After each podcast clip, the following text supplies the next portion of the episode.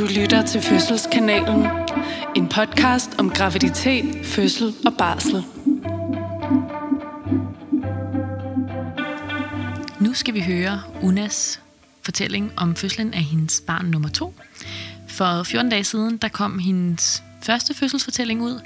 Hvis I ikke har hørt den allerede, så kunne det give rigtig god mening at lytte til den først og høre om, hvordan det føles at føde det allerførste barn. Øh, det er nemlig lidt en anden historie den her gang. Øhm, sådan er det jo nogle gange med fødsler. De ligner ikke nødvendigvis hinanden. Denne gang, der øh, føder Una hjemme, men corona spiller også lidt ind på fødslen og de planer, hun har haft, øhm, som det jo har gjort for rigtig, rigtig mange gravide. Så øh, jeg håber, du har anskaffet dig selv en første lavnsbolle, for nu er det i hvert fald tid til en god historie og en velfortjent pause.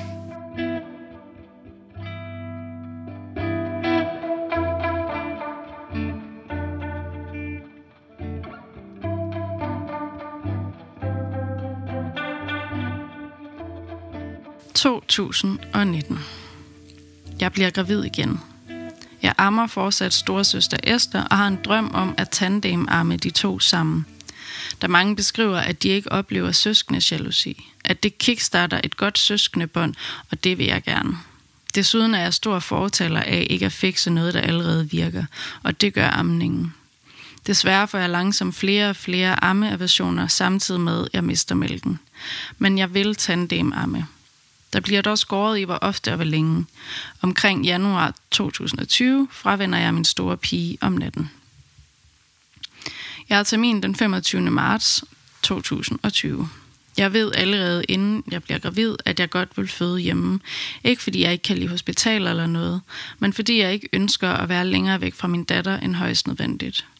Og nu hvor vi bor sammen med farmor og farfar, er det naturligt, at hun skal være sammen med dem, hvis ikke hun skal være med til fødslen. Jeg hjemmepasser hende, men et par gange om ugen er hun sammen med farmor, så de to har et skønt tæt bånd.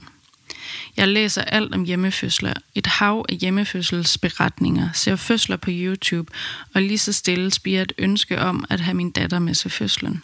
I det omfang hun og jeg kan kapere det. Hvis hun skal være med, får jeg dog brug for endnu en hjælper. Hverken min mor eller min yngste søster har lyst, men da jeg fortæller om det til min barndomsveninde, som selv har født hjemme for nylig, tilbyder hun at være der. Det er perfekt.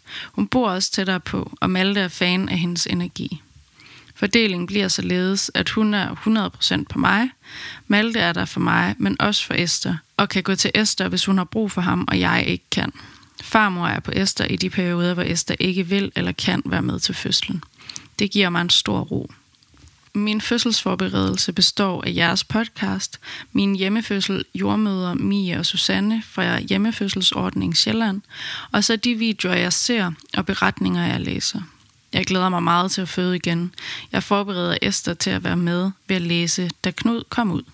Og se korte Instagram-videoer af fødsler, både nogen på afstand og nogen helt tæt på. Det var så fascinerende at se den nysgerrighed, hun gik til det med. Hun havde ikke kulturfiltret med, at det var privat eller ulækkert eller noget. Hun beder stadig om at se videoer af babyer, der bliver født herover et halvt år efter, at lillebror kom ud til os. Denne gang vil vi heller ikke kende køn, men vi vil gerne være forberedt, hvis baby har nogle handicaps, så vi takker ja til begge scanninger, men tilkøber ikke nogen ekstra. Marts 2020. Jeg har indkøbt fødekar, liner, klyks, snacks, ingefær, spand, vådlæggerlægen, malerfilt og brugte håndklæder. Yogabolden er lånt og hentet, reboso øvet og brugt. Jeg er så klar, som nogen kan være. Og så kommer corona og retningslinjer, og regler ændrer sig igen og igen. Først da det hedder sig, at jeg kun må have én hjælper med, vælter læsset for mig, og jeg har en uge, hvor jeg overvejer alt. Privat jordmor, fri fødsel, hospitalsfødsel, alt. Jeg har drømt og forestillet mig den fødsel, hvor det at have plads til Esther i det omfang, vi alle kunne rumme det, var midtpunktet, og det forsvandt. Hvad så? Det tog en uge for mig at lande i det og jeg var nu i min terminsperiode, perioden, hvor min fødsel måtte foregå hjemme.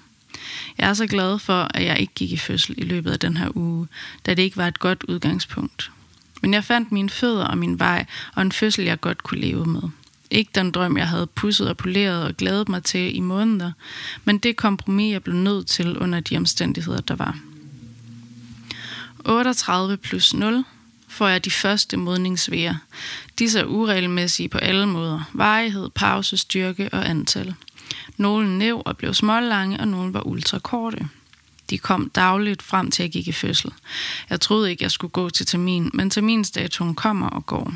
Jeg bliver undersøgt dagen efter termin og er halvanden centimeter og med meget lidt livmorhals tilbage. Modningsværende har virket. 40 plus 2. Om aftenen ringer jeg og snakker med min mor. Hun siger, at jeg skal få ryddet op, for i morgen går jeg i fødsel. Jeg griner af hende. I dag har der nærmest ingen ved at været, så den må hun simpelthen længere ud på landet med. Jeg går i seng til sædvanlig tid. 40 plus 3 kl. 2.30 den 28. marts 2020 bliver jeg vækket af regelmæssige vejr. De niver i lænden, men ikke mere end de modningsvejr, jeg har haft tid til. Jeg vækker Malte og siger, at jeg ikke kan sove for vejerne og går nedenunder for lige at få en føling med dem. Han må godt sætte lyd på telefonen, og ellers putte videre med Esther i sengen. Jeg går ned og tager vejerne hoppende på yogabolden. Der går nogle timer. Vejerne tager til, og jeg beder Malte komme ned og begynde at gøre klar. Jeg er gået og gjort klar og ryddet op, men ved hver ved løbet hen og hoppet på bolden, så tror jeg faktisk, jeg rodede mere, end jeg ryddede op. Malte kommer ned. Han ser et par vejer og siger, at vi skal vist ringe efter en jordmor. Jeg er ikke helt klar. Forventer lidt, de går i sig selv igen. Hver gang jeg har en V, er jeg klar til at ringe, og hver gang der er pause, synes jeg, vi skal se tiden an. Til sidst sætter Malte foden i jorden og siger, nu ringer du efter jordmoren.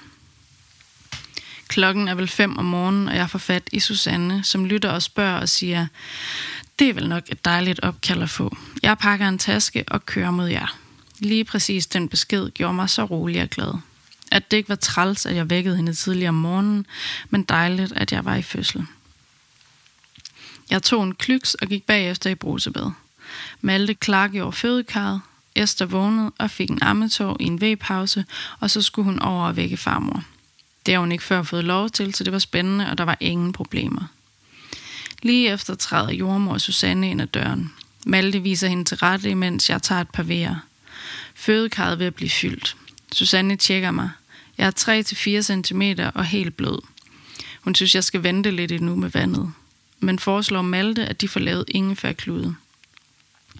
Jeg tager nogle vejer hoppende på yogabolden og nogle vejer hængende om halsen på Malte.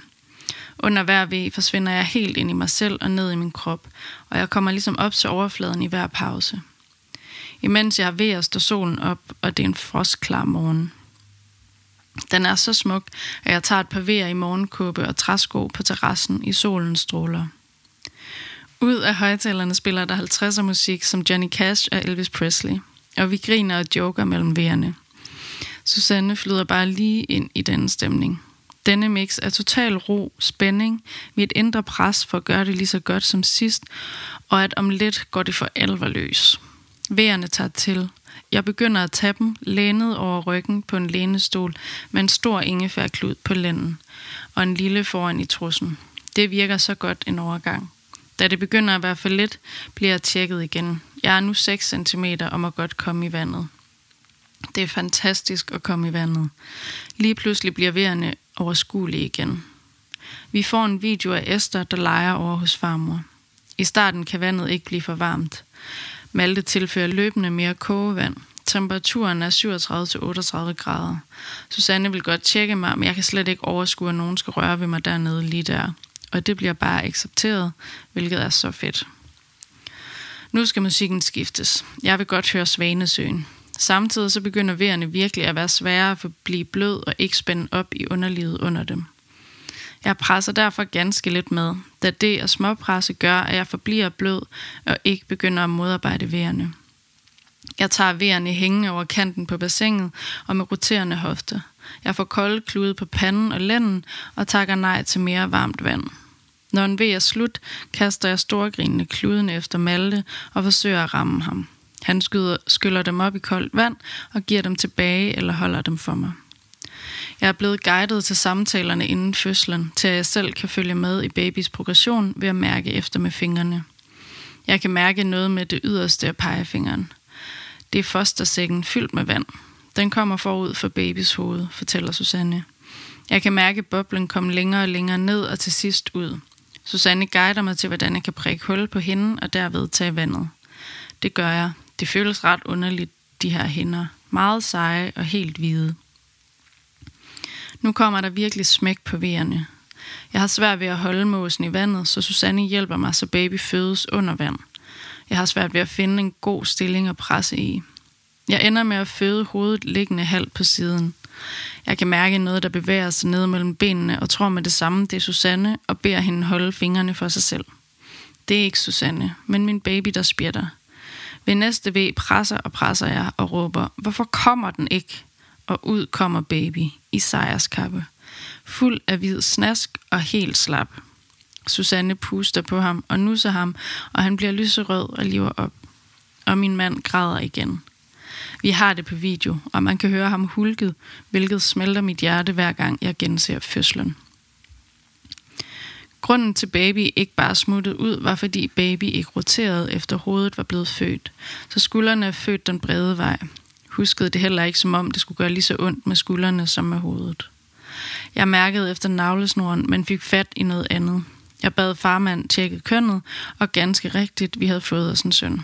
En stor dreng på 4,5 kilo blev han senere varet til, hvilket var noget mere end de 37-3800 gram, han var vurderet til. Moderkagen blev født stående i vandet, uden at jeg fik oxytocin i låret, hvilket for mig var en kæmpe sejr. Jeg blødte meget let og fik hverken rift eller bristning. Generelt var mit underliv hurtigt tilbage til normalen, hvor arret fra min bristning efter Esther tog lang tid at føles normalt. Jeg fulgte selv med med fingeren under fødslen af hovedet, så jeg gispede af mig selv, da jeg mærkede hovedet komme hurtigt ned og ud. Generelt følte jeg mig som den, der havde kontrol over fødslen. Det var så fedt. Helt vildt. Jeg kan huske, at jeg havde glemt, hvor ondt det gjorde, og må sande, at det har jeg glemt igen.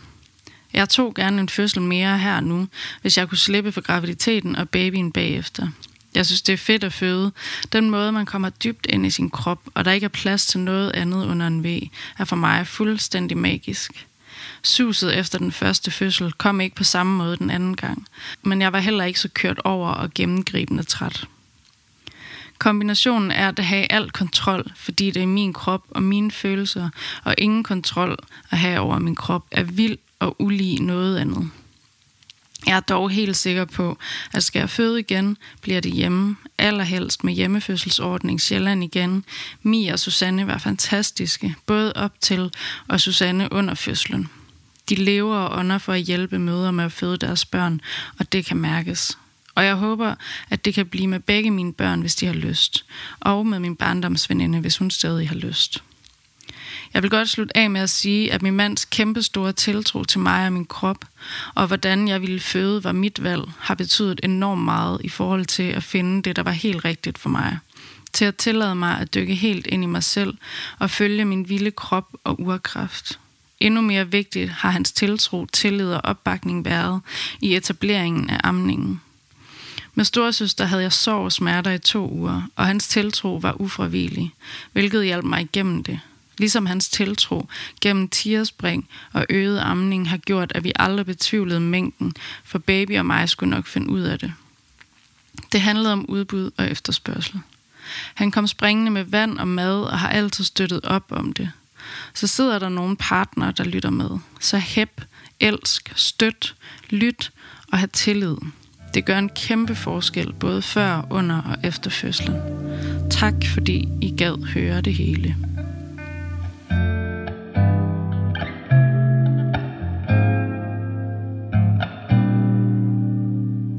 Jeg synes jo for det første, at Una er virkelig god til at tegne et billede af noget af det, som hjemmefødsler kan. Altså med... Øhm, hun beskriver ligesom, hvordan hun går ud i sin morgenkåbe og lige nyder, at solen rammer hende, og øh, hører Johnny Cash i højtalerne, og øh, alle de her ting, som jo er virkelig, virkelig dejlige. Ja, og den der øh, skønne ting med at ikke at skulle flytte sig i en fødsel, altså det er ikke noget, hun sådan beskriver så meget, men det er noget, jeg føler, der ligger lidt øh, under det hele, at, øh, at på et tidspunkt så ringer hun efter jordmoren, og så kommer hun ud, mm. og så er det bare det, ikke? At man mm. ikke har det der med, hvornår skal jeg ind på hospitalet, og ja. øh, skal time ting og aflevere børn og sådan noget, men ja. øh, der bare kan komme en lille farmor og hente øh, storesøster, og så, øh, så er det det, og hun er lige i nærheden og sådan nogle ting. Det er ja. virkelig dejligt.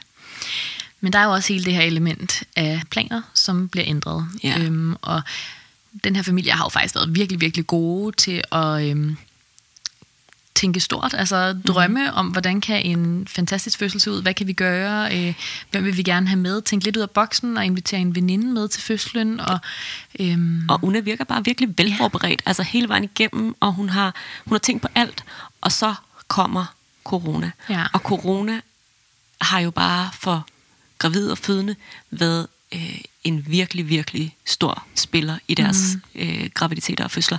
Og det er virkelig sådan et, synes jeg som jordmor i hvert fald, sådan hjerteskærende, mm. øh, det er sådan en hjerteskærende ting, det her med at se, hvordan alt det, som folk ligesom havde forestillet sig, bliver nødt til at blive lavet om, fordi der er en pandemi, mm. der huserer i hele verden. Mm. Og det er jo også det, som, øh, som Una lidt for at føle.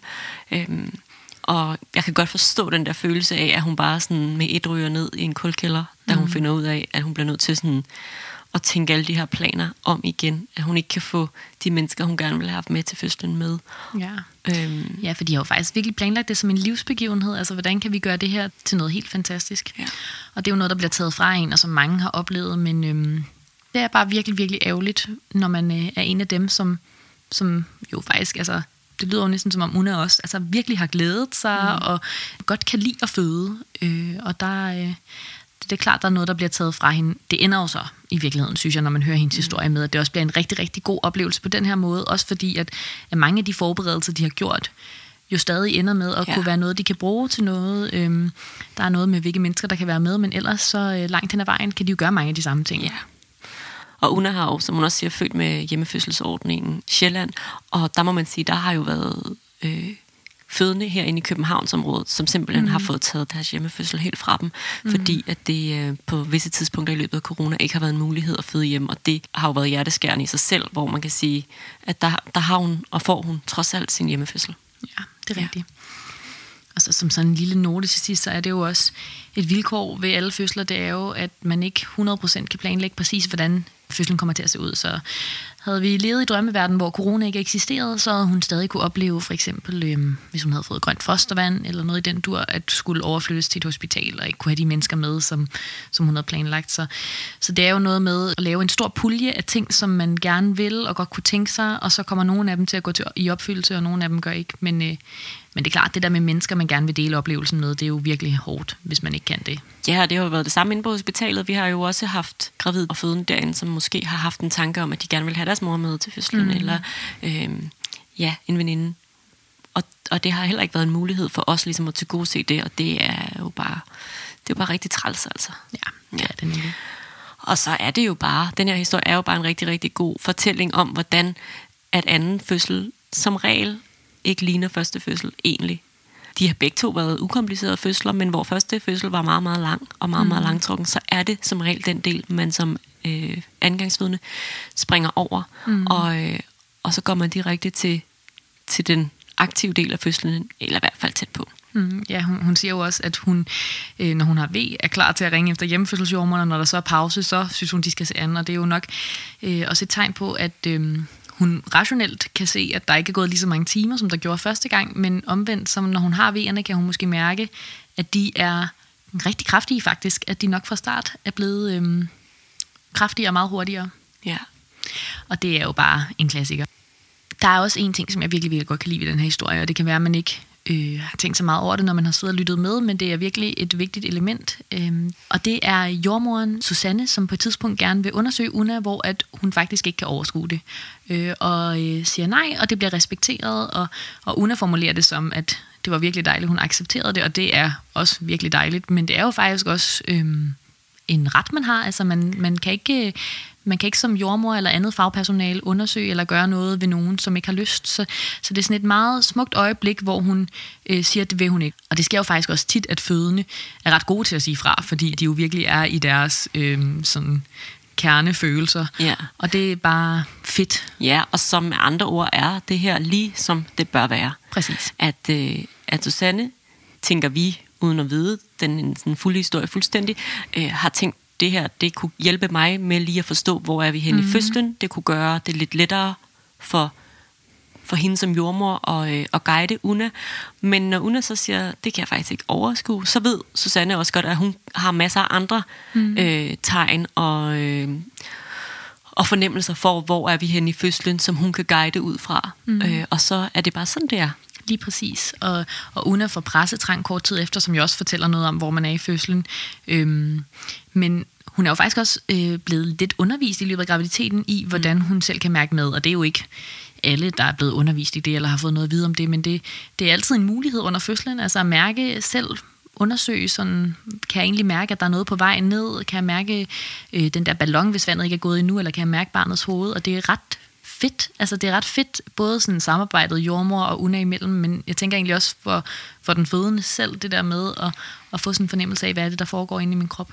Og det er, øh, det er noget, jeg særligt øh, til folk, der ligger i badekar, tit mm. kan mhm. finde på og opfordre dem til at gøre. Øh, for man kan sige, ligger man på sengen, så kan vi lidt bedre se, hvad der sker. Er man nede i et badekar, så er det nogle gange lidt sværere at få øh, et overblik over, hvad, hvad er det egentlig, hvor er vi egentlig henne. Mm. Nogle af de klassiske tegn kan være lidt svære at se.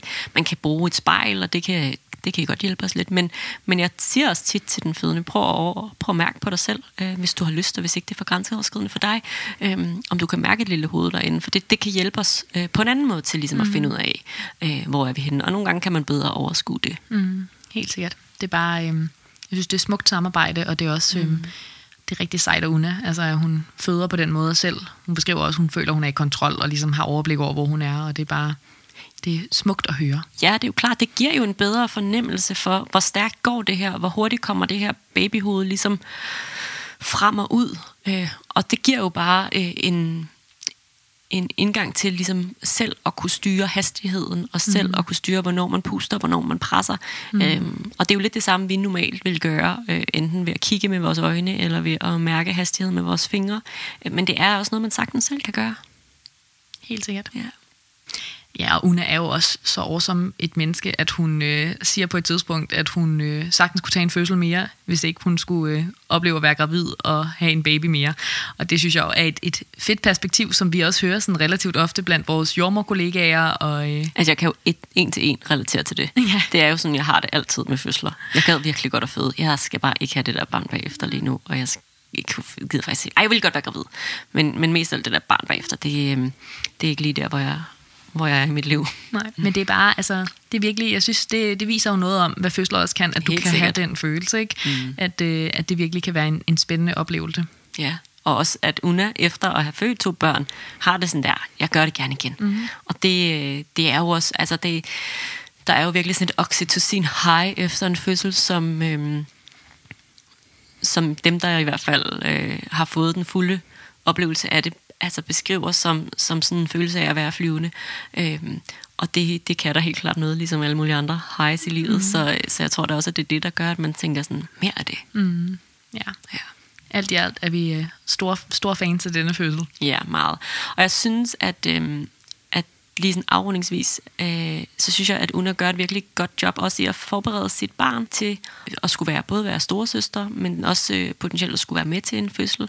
Og, øh, og hun siger det så fint det her med, at øh, da barnet ligesom ser fødselsvideoer, at, øh, at hun har slet ikke det her filter, som man måske har, øh, når man har fået indlært, at fødsler er noget, der er grænseoverskridende at se på, mm. øh, eller ligesom ulækkert, eller sådan noget. Og det har hun ikke, øh, og derfor kan børn altså også sagtens være med til fødslerne, men, men selvfølgelig kræver det, at man øh, lægger en god strategi, og øh, at man forbereder sit barn, og, og har en, der ligesom kan tage barnet med sig, hvis, mm. hvis barnet på et tidspunkt synes, det er kedeligt, eller at den fødende bare har brug for øh, ikke at skulle være mm. øh, forældre lige samtidig med, øh, at vedkommende føder et barn, og sådan nogle ting. Mm. Øhm, og så er der selvfølgelig noget lige her omkring corona, at der er det måske ikke så oplagt at have børn med til fødslen, og nok slet ikke en mulighed de fleste steder, men, men på håbentlig en dag, så slutter corona, og, øh, og så synes jeg da, at hvis man... Øh, er der, hvor man tænker, at det kunne give god mening for øh, ens familie, at barnet eller børnene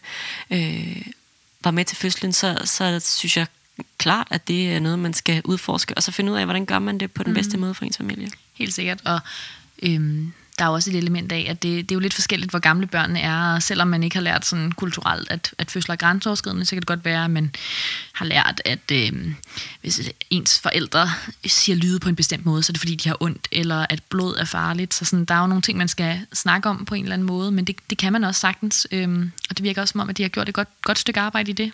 Ja. Det er meget, meget flot.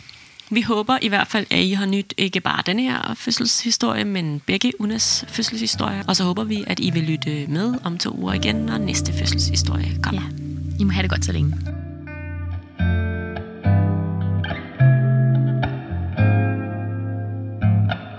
Du har lyttet til en fødselsfortælling på Fødselskanalen.